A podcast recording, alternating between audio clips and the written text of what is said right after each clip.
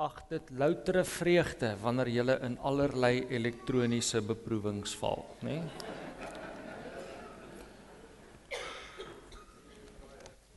Ja, môre. Wie kom vanaand Kersangdiens toe? Wie was nog nooit by 'n Kersangdiens nie? Hoorie, dis groot sports. OK. Kom, dis regtig pret, dis 'n ligte diens. Dominee Johan bring 'n boodskap, né? Nee, die woord staan sentraal by TGK, maar is 'n ligte diens. Kom geniet die tyd saam met jou broers in Christus. Ehm um, Waar Jean? Ek het nog steeds 'n vreeslike kingfluit in my ore. Ek weet nie as daar iets wat ek moet afsit hierbo anders doen. Sagter praat, harder praat. Help my. Sing, moet ek sing? Julle is jong mense, julle het nog julle lewens voor julle. Ek sal nie dit aan julle doen nie. Ons ons daar sy. Sê ons is nou hierso. Loutere vreugde, julle, loutere vreugde. Ons is natuurlik besig met die preekreeks idiome en in hierdie reeks neem ons bekende Afrikaanse gesegdes en pas ons hulle dan toe op Bybelse beginsels en waarhede. Die eerste week het ons gesien die uurglas loop uit. Elkeen van ons het 'n beperkte aantal dae op hierdie aarde. En nie een van ons weet hoeveel dae dit is nie. Jy kan nog 2 dae hê, 20 dae of 20 jaar. Jy moet seker maak dat jy gereed is as Jesus jou kom haal. Amen. Die tyd om 'n oorgawe te maak aan die Here is altyd nou. Die boek Hebreërs sê as jy vandag sy stem hoor, moenie jou harte verhard nie. As jy voel die Here klop aan die deure van jou hart, maak vandag die oorgawe. Daarna het ons gesien aanhouer wen. Ons mag nie moed verloor in hierdie stryd nie. Ons mag nie opgee nie. Ons moet versigtig wees dat sonde ons nie geestelik moeg maak nie. Ons moet aanhou, aanhou saam met die Here sodat ons ook soos Paulus aan die einde van ons lewens kan kom en sê ek het die wedloop wat die Here vir my voorberei het, het ek voltooi. Laasweek het ons gesê eyster slyp eyster, vriende vorm mekaar. Ons moet vriende in ons binnekring hê wat ons nader aan die Here help kom. Wat ons bemoedig om nader aan die Here te stap. Maar ons moet ook 'n vriend wees wat iemand bemoedig om nader aan die Here te stap. Vanoggend kom ons by 'n interessante idioom, die liefde vir geld. Die liefde vir geld is die wortel van allerlei soorte kwaad. Kom ons sluit die oë. Here, ons dankie vir u liefde en genade. Ons dankie vir u teenwoordigheid. Ons bid Here vanoggend dat ons u stem sal hoor, nie die stem van 'n mens nie. Want dit is u stem, Here, dit is u woorde wat ons vorm tot u gelyke beeld. Seën die boodskap, seën die harte wat dit ontvang. Amen. Amen.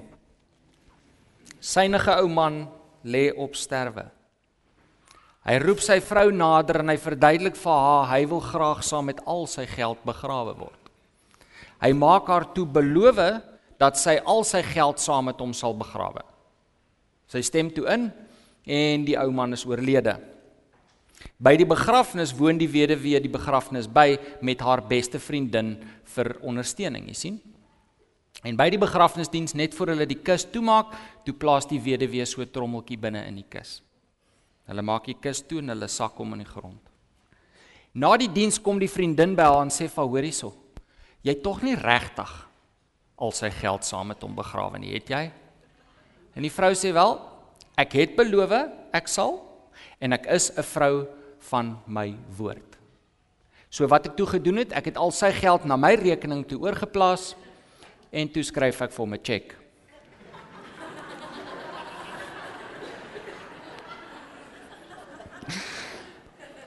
As hy die cheque kan klein maak waar hy nou is, kan hy die geld maar kry.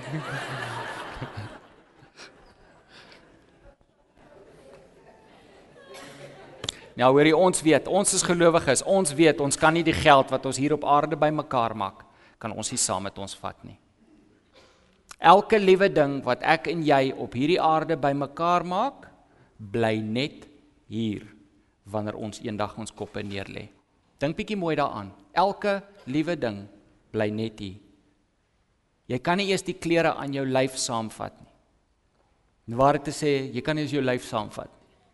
Né? Nee? Alles bly net hier. En tog, ons ons weet dit, ons as gelowiges, ons weet hierdie ding het nie ewigdurende waarde nie. En tog spandeer die mensdom soveel tyd en soveel moeite en soveel energie om dit bymekaar te maak wat geen ewigdurende waarde het nie. Wat het Jesus gesê? Moenie vir julle skatte op die aarde bymekaar maak nie, maar in die hemel, né? In Matteus 6. Nou ek het daai woorde al baie gehoor, baie gelees. En elke keer wat ek daardie woorde teekom, dan kom die vraag oombliklik by my op.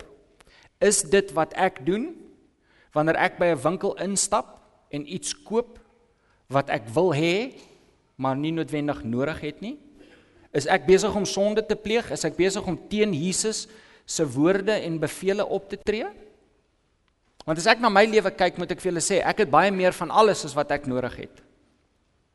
Ek het 'n groter huis as wat ek hoef te hê. Ek het 'n mooier kar as wat ek hoef te hê. Ek het meer klere as wat ek hoef te hê.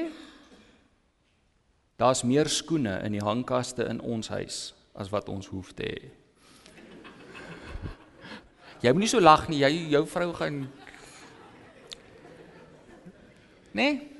Ek het baie meer as wat ek hoef te hê in my lewe. Ek kan met baie minder oor die weg kom. Is dit sonde? Is die feit dat ek wel af is in wêreldse terme, is dit sonde? Of het Jesus dalk iets anders bedoel as wat dit op die oog af mag lyk? Wat leer die Bybel vir ons oor rykdom? Wel, ons het nou nie tyd vanoggend om 'n hele uitleg te doen oor die Bybelse teologie rondom rykdom nie, maar hier's 'n paar voorbeelde wat ek dink ons moet oplet. In Genesis 13 sê dit Abraham was baie ryk. Abraham was so ryk dat hy sy eie weermag gehad het. Dis redelik ryk hoor. Hy het 'n koning aangevat en gewen. En die Here het vir Abraham daardie rykdom gegee. Bybel sê in die boek Job dat Job baie ryk was. Job was so ryk dat die duiwel by die Here gekom het en gesê: "Here, die enigste rede hoekom hy u dien is omdat hy hom so seën."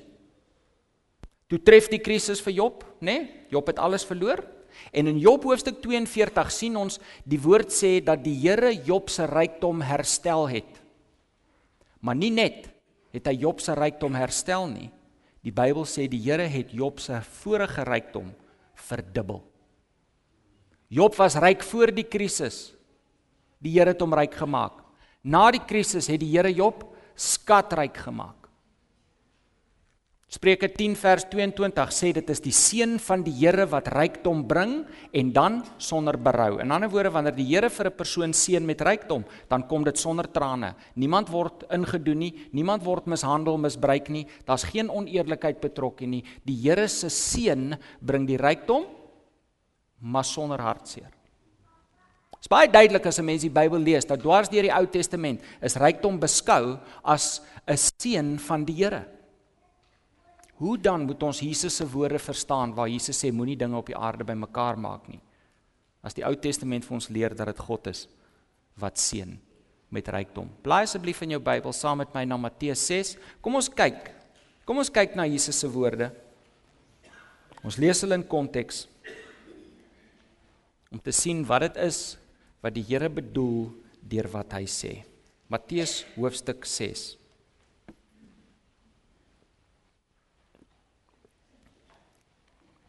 In party Bybels is daar opskrifies. In my Bybel by vers 16 is daar 'n opskrifie wat sê as jy vas en by vers 19 'n opskrifie wat sê skatte in die hemel en so aan. Daardie opskrifies was nie in Matteus se brief nie, hoor. Daardie opskrifies is deur die drukkers van die Bybelboeke ingesit net as 'n studiegids. Dis om ons te help om ons plek vinnig te kry. Maar Matteus het nie geskryf met die opskrifies nie en Jesus het nie gepraat van opskrifie na opskrifie nie. So kom ons lees van vers 16 af. Ons lees Jesus se gesprek met sy disippels om te sien wat die Here bedoel het. Vers 16. As julle vas, moet julle nie so skynheiliges met lang gesigte rondloop nie. Hulle mismaak hulle gesigte sodat die mense kan sien dat hulle vas. Dit verseker ek julle, hulle het hulle beloning klaar weg. Nou wat die fariseërs gedoen het, is hulle het sakke aangetrek in plek van klere. Nê? Nee? Dan het hulle as gevat uit 'n dooie vuur en hulle hare gesmeer. En hulle het as gemeng met water en op hulle gesigte gevryf. Dat dit moet lyk of hulle so gehuil het dat die stof so spat. Jy weet die modder lê so op hulle gesigte. Dan het hulle op die straathoeke gaan staan, jy sien, so. Jy weet, hulle daar op die straathoek gaan staan so lang gesig. Almal moet nou verbystap en sien hoe vroom is hierdie ou nou. Hy is so vroom dat hy so huil oor Israel se sonde, die modder lê skoon so op sy gesig, jy sien? Maar hulle het dit gedoen om ander mense te beïndruk. Nie om God te behaag nie. Niemand in hulle harte regtig jammer was oor die sonde nie. Hulle het dit gedoen om ander mense te beïndruk. En die Here sê dis hulle beloning. Hulle het 'n aardse begeerte om mense te beïndruk en raai wat kry hulle? 'n Aardse beloning. Die mense is beïndruk. Vers 17. Nee, as jy vas, versorg jou hare en was jou gesig, sodat niemand kan sien dat jy vas nie behalwe jou Vader wat jy nie kan sien nie. Jou Vader wat sien wat verborge is, sal jou beloon. Die Here maak 'n kontras. Hy kontrasteer nie die een vas met die ander vas nie. Hy kontrasteer die aardse begeerte om mense te beïndruk met die hemelse begeerte om God te behaag. Hy kontrasteer die aardse beloning wat jy kry wanneer jy aardse begeertes het met die hemelse beloning wat jy kry wanneer jy hemelse begeertes het. OK? Dit is die begeerte en die beloning wat die Here kontrasteer. Vers 19: Moenie vir julle skatte op aarde bymekaar maak waar mot en roes dit verniel en waar diewe inbreek en dit steel nie. Maak vir julle skatte in die hemel bymekaar waar mot en roes dit nie verniel nie en waar diewe nie inbreek en dit steel nie. Nes Jesus nie die kontras gemaak het tussen vas en vas nie, maak die Here nie hier die kontras so seer tussen hemelse skatte en aardse skatte nie. Die Here is besig met dieselfde gedagte. Hy praat van die aardse begeerte vir aardse skatte en die hemelse begeerte vir hemelse skatte. Die Here sê, luister, moenie ander mense probeer beïndruk nie. Moenie ander mense se goedkeuring najag nie. Moenie aardse geld najag nie. Soek God se goedkeuring. Soek God se beloning wat hy gee vir hemelse begeertes soos om hom te behaag. OK? Weer 'n kontras. Here sê nie aardse skatte is sleg en hemelse skatte is goed nie. Die Here sê die begeerte vir aardse skatte is sleg en die begeerte vir hemelse skatte is goed. Vers 21: Waar jou skat is, daar sal jou hart wees. Ons het in 'n vorige boodskap gesien die hart in die Bybel is nie die setel van emosie nie. Die hart in die Bybel is die setel van gedagtes. Psalm 119 vers 11: Here, ek het u woord in my hart bewaar. Dit praat van gedagtes. Dawid sê ek deurdink u woord, oordink u woord. Die hart is die setel van gedagtes. Jesus sê luister, waar jy kies om jou skat in die lewe te vind, is waar jou gedagtes en jou fokus gaan wees. As jy die hele tyd ander mense se goedkeuring soek, as jy die hele tyd geld najag in jou lewe, raai waarmee gaan jou gedagtes heeldag besig wees? Met daardie dinge. Jesus het gesê wat die hart van vol is, loop die mond van oor. As jy na iemand hoor, as jy na iemand se gesprek luister, kan jy hoor in sy woorde wat is sy hart vol van. Ken jy iemand wat die hele tyd net praat oor hoe ryk hy is? Hoe ryk hy wil wees? hoe smart hy is, hoe smart hy gaan wees. Dis wat die Here hier sê. Die Here sê as jy jou bemoei met hierdie aardse dinge, dan is dit wat jou gedagtes vol van is. Waar jy kies om jou aansien en skatte bymekaar te maak, daar gaan jou aandag en fokus in die lewe wees. Vers 22. Die lamp van die liggaam is die oog. As jou oog goed is, sal jou hele liggaam lig hê, maar as jou oog sleg is, sal jou hele liggaam sonder lig wees. As die lig in jou dan donker is, hoe donker moet dit nie wees nie. Die lamp van die liggaam is die oog. Ek het al gehoor mense gebruik hierdie versie om te sê jy kan in iemand se oë kyk en sien hy's 'n Christen. Dis nie wat hierdie vers sê nie. Die menslike oog, neem hy lig in of straal hy lig uit? Hy neem lig in. Die Here sê, kyk mooi, die lamp van jou liggaam is jou oog. Die hoeveelheid lig waarin jy wandel word bepaal deur waar jy kyk. As ek my kop in 'n donker hangkas druk, hoeveel lig kom by my oë in? Bitter min of niks, nê. Nee. Maar as ek vanoggend daar buitekant toe gaan en ek kyk op en ek maak my oë oop, hoeveel lig kom by my oë in? Baie. En dis presies wat die Here sê. Die Here sê waar jy kyk, waarop jy fokus in jou lewe, dit gaan bepaal hoeveel lig jy inwandel. Jy kan nie jou kop in 'n donker kas druk en in die lig wandel nie. Jy kan nie die heeltyd gefokus wees op ander mense se aansien en in die lig wandel nie. Jy kan nie in jou lewe die heeltyd gefokus wees op geld en in die lig wandel nie. Daardie is dinge wat hoort by die duisternis. Julle moet kinders van die lig wees. Kyk op. Hou op hierdie aardse dinge begeer. Begeer die hemelse dinge. Vers 24. Niemand kan vir twee baase te gelyk werk nie. Hy sal vir een minder ag en die ander een hoër of vir die een meer oor en die ander een afskeep. Jy kan nie God en Mammon dien nie. Die Here sê luister, jy het aardse begeertes en hemelse begeertes. Jy het 'n aardse fokus of 'n hemelse fokus. Fokus op die hemelse dinge sodat jy in die lig kan wandel, want jy kan nie albei doen nie. Jy kan nie twee baase te gelyk hê nie. Jy kan nie op die aardse dinge gefokus wees en dink God gaan beïndruk wees met jou nie. Jy kan nie die aardse goed doen en 'n hemelse beloning verwag nie. Kyk mooi na daai laaste versie. Jy kan nie God en Mammon dien nie. Die Here sê nie God is goed en Mammon is sleg nie.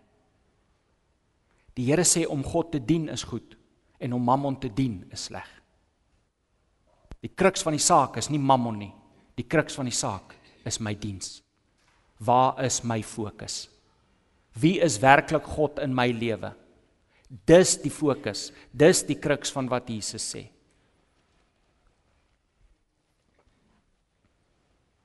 Weet julle wat sê Jesus in hierdie hele gedeelte? Kom ek som dit vir julle op. Om aardse dinge te begeer, soos die aansien van mense, is sleg. Om hemelse dinge te begeer soos om God te behaag, is goed. Moet dus nie aardse dinge begeer nie, want dit ontvang sleg aardse slegs aardse belonings. Begeer die hemelse dinge want daar ontvang jy 'n hemelse beloning. Maar watter een jy ook al kies, dit gaan bepaal waar jou aandag, jou gedagtes en jou fokus in die lewe gaan wees. As jou fokus dan op aardse dinge is, wandel jy in die donker. Maar as jou fokus op die hemelse dinge is, wandel jy in die lig. Wees bewus dat jy nie die aardse en die hemelse begeertes in jou lewe kan balanseer nie. Jy dien of die een of jy dien die ander. Jy dien of God of jy dien jou vlees. En dit word bepaal deur waar jy kyk. Waar is jou fokus op die raamwerke? Jesus kontrasteer aardse fokus en hemelse fokus. Hierdie gedeelte gaan oor fokus, nie oor geld nie. Dit gaan oor fokus, nie oor geld nie. Die fout kom nie in met geld nie. Ek kan 'n hoop geld hier sit so groot soos tot by die dak toe. En weet jy daai geld kan niks verkeerd doen nie. Daai geld kan niemand maak sondig nie. Waar kom die sonde in? Wanneer ek daai geld begin dien. Wanneer daai geld my fokus in die lewe word.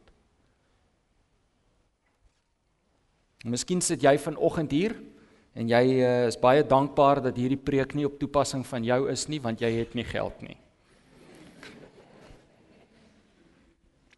Kom ek wees eerlik en sê vir julle van die mense wat ek in my lewe ontmoet het wat die meeste behep was met geld. Ek dink die meerderheid van hulle was mense wat nie geld gehad het nie. En van daar hulle beheptheid. Selle sonde. Selle sonde. Dit is die beheptheid, dit is die fokus op geld wat die probleem is. Hierdie aardse vleeslike begeerte vir geld het niks te doen met hoeveel jy het nie. Dit het te doen met hoe hoe graag jy meer wil hê as wat jy het. Ek gaan dit weer sê. Die aardse vleeslike begeerte wat die Here van praat vir geld, het niks te doen met hoeveel jy het nie. Dit het te doen met hoe graag jy meer wil hê. Daar's die probleem. Die probleem lê by fokus. Geld is nie die wortel van allerlei soorte kwaad nie, hoor. Die liefde vir geld is die wortel vir allerlei soorte kwaad. Blaai vir my asseblief na 1 Timoteus 6, is ons tweede teksgedeelte. Hierdie is Paulus se kommentaar op geldgierigheid en ek dink dit gaan vir ons 'n paar sake mooi duidelik maak. Ek weet nie van julle nie, maar ek het al baie in my lewe gehoor mense sê ja, geld is die wortel van allerlei soorte kwaad. Money is the root of all evil. It's not what the Bible says. Love of money is the root of all evil. 1 Timoteus 6, ons lees van vers 2 af. Ons lees daar van die einde van vers 2 af waar dit sê hierdie dinge. Hierdie dinge Timoteus moet jy aan die mense leer en dit by hulle inskerp. As iemand 'n ander leer verkondig en nie hou by die gesonde woorde van ons Here Jesus Christus en by die leer van ons godsdiens nie, is hy verwaand en weet hy niks. Van wie praat Jesus hier? Hy praat van valse leraars, nê? Nee?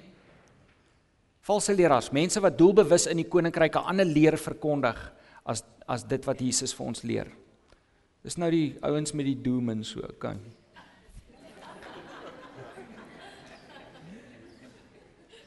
So 'n persoon het 'n sieklike beheptheid of fokus met twisvrae en stryery oor woorde. Daaruit ontstaan afguns, twis, beledigings, gemeene verdagmakery en die voortdurende risie van mense wat verstandelik verward en van die waarheid beroof is. Kyk mooi. Hulle dink dat die godsdiens iets is om geldelike wins mee te maak. Waar's hierdie ouens se fokus? Op die godsdiens? Nee. Om geldelike wins mee te maak. Dis hulle fokus. Vers 6. Die godsdiens is 'n groot wins as iemand tevrede is met wat hy het. Paulus kontrasteer aardse wins met hemelse wins. Presies wat Jesus gedoen het. Paulus sê luister, hierdie ouens jaag aardse wins. Ons weet dis nie die ware wins wat ons behoort na te jag nie. Die ware wins is die godsdiens vir iemand wat in dankbaarheid leef. Hy soek nie net meer nie, hy's dankbaar vir wat hy het. Hoekom? Vers 7, want ons het niks in die wêreld ingebring nie en ons kan ook niks daaruit wegneem nie. Ons het 'n ewigheidsperspektief, sê Paulus. Vers As ons dan kos en klere het, moet ons daarmee tevrede wees. Maar die wat ryk wil word, val in versoeking. Waar is hulle begeerte? Hulle wil ryk wees. Wat gebeur met hulle? Hulle val in versoeking. Hulle word geestelik swak. Hulle loop hulle vas in die struik van baie sinlose en skadelike begeertes waardeur mense in verderf en ondergang gestort word. Hoekom? Vers 10. Want geldgierigheid is 'n wortel van allerlei kwaad. Party het geld nagejaag, nie die wil van God nie, geld nagejaag en toe van die geloof afgedwaal. Daardeur het hulle vir hulle self baie ellende op die hals gehaal. Maar jy man van God, moet van hierdie dinge af wegvlug. Streef na opregtheid, toewyding aan God, geloof, liefde, volharding, minsaamheid en so aan.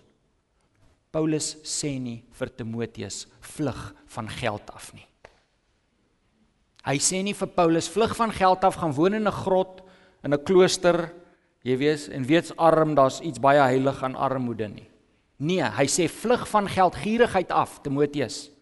Streef na die vrug van die Gees. Dis die vrug van die Gees wat hy daar noem. Hy sê Timoteus, maak goddelike karakter in jou lewe die fokus. Broer en suster, maak goddelike karakter die fokus in jou lewe. Daar is ewig durende beloning daarin. Hoekom moet ons vlug van geldgierigheid af? Vers 9, want die wat ryk wil word, val in versoeking. Hulle loop, hulle vas in 'n struik. Geldgierigheid is 'n struik van die duiwel. Geldgierigheid maak dat mense mekaar misbruik, vertrap, mishandel vir mekaar lieg. Geldgierigheid maak dat mense bedrog pleeg, steel. Geldgierigheid maak dat mense mekaar doodmaak. Die tronke is vol mense wat in die duiwelse struik van geldgierigheid getrap het. Dis 'n struik, dis 'n lokval van die duiwel. En weet julle wat die ergste van alles? Geldgierigheid is 'n onbevredigbare drang. Dis 'n onbevredigbare drang. Dis nie net onbevredigend nie, dis onbevredigbaar. As jy begeerte het om ryk te wil wees, hoe weet jy wanneer jy ryk is? Wat is ryk? Want Dominee Johan het vir ons al die statistieke gegee. Elke een van ons wat hier sit is in die 2 of 3% rykste mense in die wêreld. Voel jy ryk? Hoe weet jy wanneer jy ryk is? Dis 'n onhaalbare doelwit. Dis 'n onbevredigbare drang. John D Rockefeller was in die vroeë 1900s die rykste man in die wêreld. Hy was in die vroeë 1900s kort na die Boereoorlog basically was hy al 'n dollar biljoenêr. Hy was so ryk dat as jy inflasie in ag neem, sou hy nog steeds die rykste mens op aarde wees. Hy was baie ryker as enige van hierdie ouens wat nou in die top 5 of 10 is. En John D Rockefeller het 'n onderhoud toegestaan aan 'n koerant en die joernalis vra toe vir hom: "Meneer Rockefeller, jy het soveel geld. Jy's 'n biljoenêr. En tog hou jy aan werk, jy hou aan woeker, jy hou aan belê, jy hou Hoeveel geld sou vir jou genoeg wees om te sê nou's ek klaar? Ek het nou genoeg geld." En weet julle wat was sy antwoord? Net 'n klein bietjie meer as wat ek nou het. Geldgierigheid is 'n struik. Dis 'n onbevredigbare drang. Ek sou kon doen met 'n miljoen. Nee. Ek sou myself met net 6 nulle kon versoen. Ja. Ek sou kon doen met Weet julle wat? Jy hier sit en dink hoor jy net 1 miljoen. Alex, ek weet jy praat van mense wat wil ryk wees, maar ek soek net 1 miljoen, dan is my kop deur. Ja, ek watch wie lag, ek sien dit. Weet jy wat jy 'n miljoen kry? En dan gaan jy net nog 200 000 short wees. En dan gaan jy daai 200 000 kry en dan gaan daar 'n geleentheid kom dat jy net nog 'n half miljoen soek. En so sal jy aangaan vir ewig. Dit is 'n onbevredigbare drang. Dis 'n struik van die duiwel want as hy jou het, dan sleep hy jou in allerlei ander sondes in en hy weet jy gaan aanhou kom want hy kan nie daai drang bevredig nie. Geld is nie 'n bevredigende middel vir iemand wat geldgierig is nie. Dis die ironie.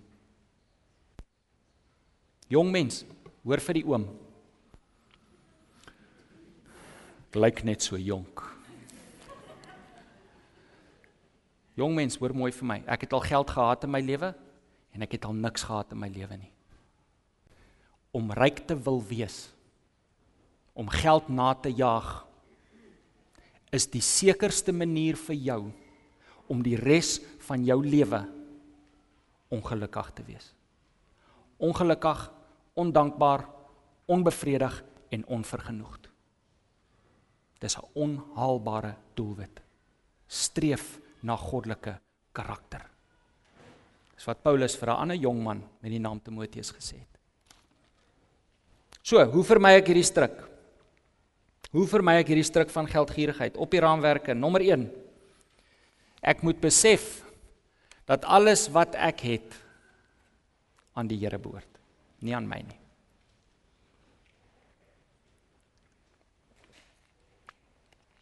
Ek moet besef dat alles wat ek het eintlik aan die Here behoort, nie aan my nie. Psalm 89 vers 12 sê Here, aan U behoort die hemel, aan U behoort ook die aarde, die wêreld en alles daarin. En wat wat die psalmdigter daar sê is Here, aan U behoort die aarde, die wêreld, die mense op aarde en alles wat die mense besit. Alles behoort aan U. Sluit dit my huis in? Sluit dit my kar in? my beleggings, my spaargeld, my vrou, my kinders, alles wat ek het, behoort eintlik aan die Here. En weet julle, dis hoekom ons hier op 'n Sondagoggend geld in die mandjie kan sit. Wat bid Dominee Johan altyd, Here, dankie dat U eerste vir ons gegee het. Daarom kan ons gee. Dis die Here se geld. Ek wil vir jou sê wanneer jy kollekte gee, wanneer jy 'n offer aan die Here bring, weet jy dis die Here se eie geld wat jy vir hom teruggee. Dis nie joune nie. Die Here het dit vir jou eers gegee in 'n geval. Ons is net rentmeesters van wat die Here aan ons toevertrou. Iemand wat dit besef het, was Job. Job het dit baie goed besef en ek glo dis een van die redes hoekom hy staande kon bly in die krisis. Hoor wat sê Job hoofstuk 1. Job het sopas gehoor hy het alles verloor. Hier kom 'n dienaar in en sê vir hom jou kinders is dood. Hier kom 'n volgende dienaar in en sê jy het alles verloor. Jy huis het in mekaar geval, die kinders is dood, hulle het jou goed gesteel. Job, jy het niks. Jy het gegaan van baie ryk na niks. Toe het Job opgestaan en sy klere geskeur. Hy het ook sy hare afgeskeur. Daarna het hy op die grond gaan lê en gesê sonder iets het ek in die wêreld gekom en sonder iets gaan ek daaruit sien julle die ewigheidsperspektief? Die Here het gegee en die Here het geneem. Prys die naam van die Here. Onder alles het Job nie gesondig of God iets verwyd nie. Job het alles verloor en nie die Here verwyd nie. Hoekom? Want hy het 'n ewigheidsperspektief gehad op sy besittings. Hy het geweet dis in elk geval die Here se. Die Here het dit vir my geleen en die Here het dit teruggeneem. Prys die Here, hy mag dis syne. As ek vir jou iets leen en ek kom haal dit weer terug, kan jy regtig nie vir my kwaad wees nie, hoor, dis myne. Vir wie het ek iets geleen hierso? Nee, nee, as ek vir jou iets leen en ek kom haal dit terug, kan jy mos nie vir my kwaad wees nie, dis myne. En dis wat Joppie sê, die Here leen vir ons alles wat ons het. Dis nie ons sinne nie. Hy het 'n ewigheidsperspektief gehad op sy besittings. As ek en jy so 'n perspektief kan kry op alles in ons lewe dat ons bloot rentmeesters is van dit wat die Here vir ons gegee het, sal ons nie so vas daaraan klou nie, hoor. Jy sal nie so vas daaraan klou nie en jy sal dit verseker nie najag nie, want as die Here wou gehad het jy moet dit hê, dan het hy dit vir jou gegee. As die Here wou gehad het jy moet meer geld hê, broer en suster, as wat jy nou het, sou die Here dit vir jou gegee het. Nommer 2 Nommer 2, wat is die tweede ding wat ek moet doen om hierdie struik van die duiwel te vermy of nie doen nie? Ek moenie opgee wat ek het om te probeer kry wat ek nie het nie. Ek moenie opgee wat ek het om te probeer kry wat ek nie het nie.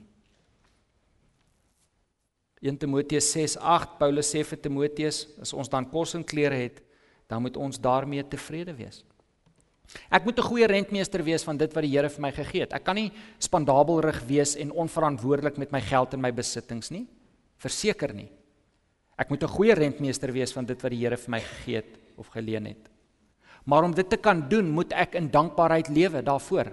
Hoe weet jy as 'n kind dankbaar is vir iets wat hy ontvang het? Hy pas dit op, né? Nee? Hoe weet jy 'n kind is nie dankbaar nie? Hy pas dit nie op nie. Selfe beginsel tel vir ons.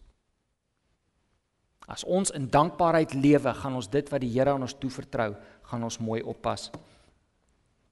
Maar wanneer ons fokus daar is op wat ons nie het nie. O, ek soek daai ding. O, ek wil dit hê. Ek soek daai miljoen. Here nog net dit. O, ek soek dit. Wanneer ons fokus daar is, dan pas ons nie op wat hier is nie. En wanneer ons fokus daar is en ons pas nie op wat hier is nie, dan vergroot ons die kans om te verloor wat ons hier het. Wat gebeur as jy iets nie oppas nie? Jy verloor dit. Dit breek.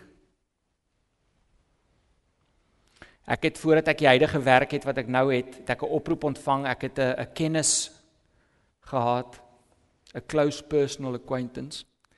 En uh die ou bel my en hy sê vir my, "Hoorie, my baas wil jou sien." Hy het 'n werksaanbod vir jou. En ek gaan toe nou en sien sy baas in sy kantoor. Sy baas is een van die rykste mense in Suid-Afrika. Dis 'n naam wat julle almal sal ken. Die man nooi my en ek gaan eet middagete saam met hom in sy kantoor en hy maak 'n werksaanbod aan my. Hy sê vir my ek sal vir jou vir die eerste jaar, ek wil hê jy moet my help met hierdie firma opbou en uitbreek en weet nie wat alles nie. Uh jy's regte ou vir die job. Ek het my huiswerk bietjie gedoen. Ek wil hê jy moet vir my kom werk. Ek sê vir hom, "Oké, okay, hoe lyk die geld? Jy weet, ek moet daarmee my familie kan onderhou." Hy sê vir my die eerste jaar so 150 of 200 000 'n maand. Daarna sal ek jou ordentlik betaal. Ek probeer toe my pose hou, jy weet. Toe hy sê 150 000, toe dink ek hy bedoel 'n jaar. Ek probeer toe, jy weet, lyk of dit nie 'n snaakse getal vir my is nie. Ek sê toe vir hom wel ek moet gaan bid en dink daaroor, baie dankie en ek is ek kon nie my pudding vinnig genoeg insluk nie en ek is al weg. Hoor jy op pad huis toe, my kop swem hoor. Ek het nog nooit sulke ek meen, can you imagine what I can do with that money? Hoor, dis nie wat se Ferrari nie, dis wat se kleure Ferrari genoem. Ek ry huis toe. En toe ek by die huis kom, toe bel ek die vriend van, van my wat reeds vir hom werk. Die ou is toe baie hoog, hy's 'n direkteur in die firma en ek bel hom toe en ek sê van hoorie, is dit 'n is dit 'n genuine offer hierdie? Hy sê ja. Hy sê dit is dit is wat beplan is vir jou. Hy sê maar jy gaan skrik as jy weet hoeveel hy beplan om jou te betaal in 3 jaar se tyd as jy die targets maak. Sy woorde aan my was, ek sal nooit vergeet nie, sy woorde aan my was jy gaan op 40 jarige ouderdom meer geld hê as wat jy weet wat om mee te maak. Maar doen jouself 'n guns en skei jou vrou nou. Jy gaan nie jou familie kan behoue bly en die werk suksesvol doen nie. Skei jou vrou nou, spaar jouself 'n klomp moeite en 'n klomp geld later. En hy weet hoe waarvan hy praat, hy is toe al op sy derde huwelik. En hy sê vir my, "Ma man, Die pad is vir jou oop. Nou ja, toe hy dit vir my sê, toe is dit nie 'n keuse nie, nê. Daar's mos nou nie 'n Ferrari wat kan vergelyk met dit nie, nê. Kyk hoe mooi is hy.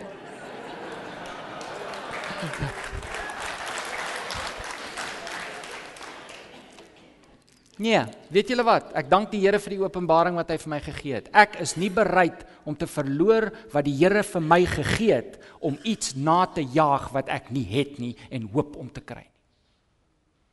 My eerste verantwoordelikheid voor God is om op te pas wat hy vir my gegee het, my werk, my beleggings, die geld wat hy my toevertrou, my huis, my vrou, my kinders. Alles wat ek het, moet ek oppas as 'n goeie rentmeester vir die Here. My fokus moenie daar wees al ewig op wat ek nie het nie. Ek moenie opgee wat ek het om te probeer kry wat ek nie het nie. 'n Menigte man het al sy vrou en kinders geoffer op die afgodsaltaar van geldgierigheid. Moenie laat dit jy wees nie, broer. Ek vra jou mooi. Moenie dit doen nie. Jag ewigdurende dinge na. En nommer Nommer 3, ek vermy die duiwelse struik van geldgierigheid deur my fokus te hou op die voorsiener, nie die voorsiening nie. Ek hou my fokus op die voorsiener, nie die voorsiening nie. Blaai asseblief in jou Bybel saam met my na Psalm 25. Psalm 25.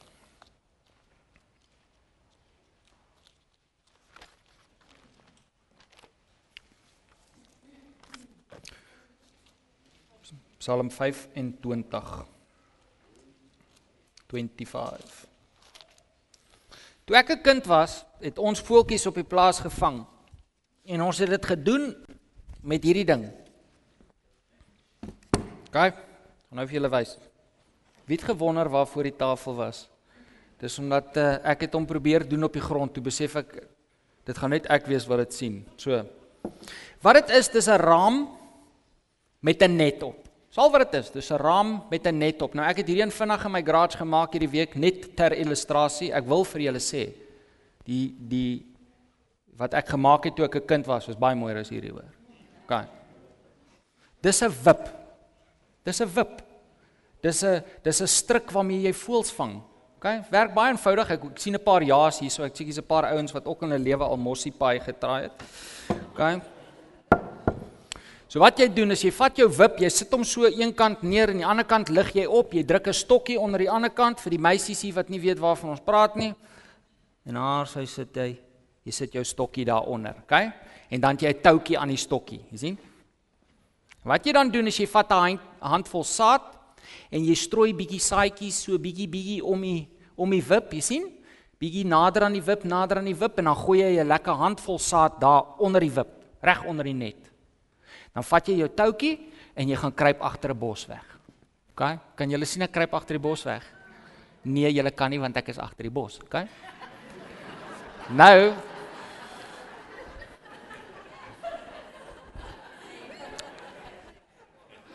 Dis nou soos die kleintjies, nê? Nee? Nicole altyd toe sy nog klein was, dan speel ons wegkruipertjie. Dan maak sy so. Sy sit haar hand oor haar oor en reken sy sy's nou gaan hoor. So okay, julle kan my nie sien nie, nê? Ek kruip agter die bos weg. Nou wag jy. Nou kom die voeltjie en hy sien die saaitjies en hy pik pik pik aan die saad en hy sien ooh, daar's nog saad en hy pik pik pik aan daai saad. Ooh, daar's nog saad en so kom hy al hoe nader en nader aan die middel van die wip, aan die net. En wanneer hy nou die jackpot slaan, wanneer hy by die groot hoop saad in die middel is, dan trek jy die tou en jy vang die voël. Hierdie is 'n vreeslike effektiewe manier om voëls te vang. Ek weet nie van iets wat beter werk nie. Ek het op 'n dag soveel voëls gevang met hierdie ding. Jy kon nie bybly nie. Dosyne. Weet julle? Weet julle hoekom is dit so maklik om 'n voeltjie te vang met die ding? Nie omdat die voeltjie dom is nie, maar omdat sy aandag gefestig bly op die saad. Sy aandag bly op die saad. Hy sien nie die gevaar nie want hy hou net die saad dop. Hy kyk nooit op nie. Dit is 'n beeld van die struik wat die duiwel gebruik om mense te vang met geldgierigheid. En wanneer ek en jy gefokus bly op die saad, op die voorsiening, op die geld, dan loop ons in die duiwel se struik in. Ons sien nie die gevaar nie want ons kyk nie op nie. Waar is die volgende rand? Waar is die volgende skiem wat my ryk gemaak? Waar is die volgende idee? Weet julle hoekom vang hierdie mense wat die internet bedrog pleeg en dit? Weet jy hoekom vang hulle soveel mense? Geldgierigheid. Want daai mense is gefokus op die saad. Waar is die volgende rand? Waar is die volgende miljoen? Waar is die volgende skien? Wat het Paulus vir Timoteus gesê? Geldgierigheid is 'n stryk. Psalm 25 vers 15. Lees saam met my. Dawid sê: My oë is altyd op die Here gerig, want dit is hy wat my voete uit die vangnet sal hou. My oë is altyd op die Here gerig. Dit is hy wat my voete uit die vangnet sal hou. Broer en suster, ons mag geld hê. Ons moet geld hê. Wie gaan kerk bou as ons nie geld het nie? Wie gaan vir Bybelverspreiding betaal as ons nie geld het nie? Wie gaan predikante se salarisse betaal en sendelinge onderhou as ons nie geld het nie? Wie gaan weeskinders voer as ons nie geld het nie? Wie gaan welsynwerk doen as ons nie geld het nie? Maar daardie geld mag nooit ons fokus in die lewe word nie. Ons hou ons oë op die Here. Ek slaan my oë op. Daar kom my hulp vandaan. Ek wil jou uitdaag, fokus op goddelike karakter in jou lewe. Fokus op die vrug van die Gees en kyk hoe die Here vir jou voorsien. Ons liefdevolle Vader sal voorsien. Maar ons moet ons oop op die regte plek hou. Amen. Amen. Kom ons sluit die oë. Here Jesus, ons dankie vir u liefde en u genade. Ons dankie Here dat ons kan weet dat ons in u hand veilig is. Dat u ons liefhet, innig innig liefhet. Dankie Here dat u besorg is oor ons fisiese behoeftes. Maar ons vra deur die Gees dat U vir ons die openbaring sal gee, Here, dat wanneer ons op U fokus, wanneer ons op U gerig bly, dat hierdie aardse dinge sal volg soos U beloof het in U woord. Ons strewe eers die Here na die koninkryk en al hierdie dinge weet ons sal tot ons toegevoeg word. Ons bid vir 'n openbaring. Amen. Amen. Amen. Sit net so 'n oombliekie asseblief. Die jeugorkes gaan vir ons seën. Johan, dankie. Die jeugorkes gaan ons seën met 'n lied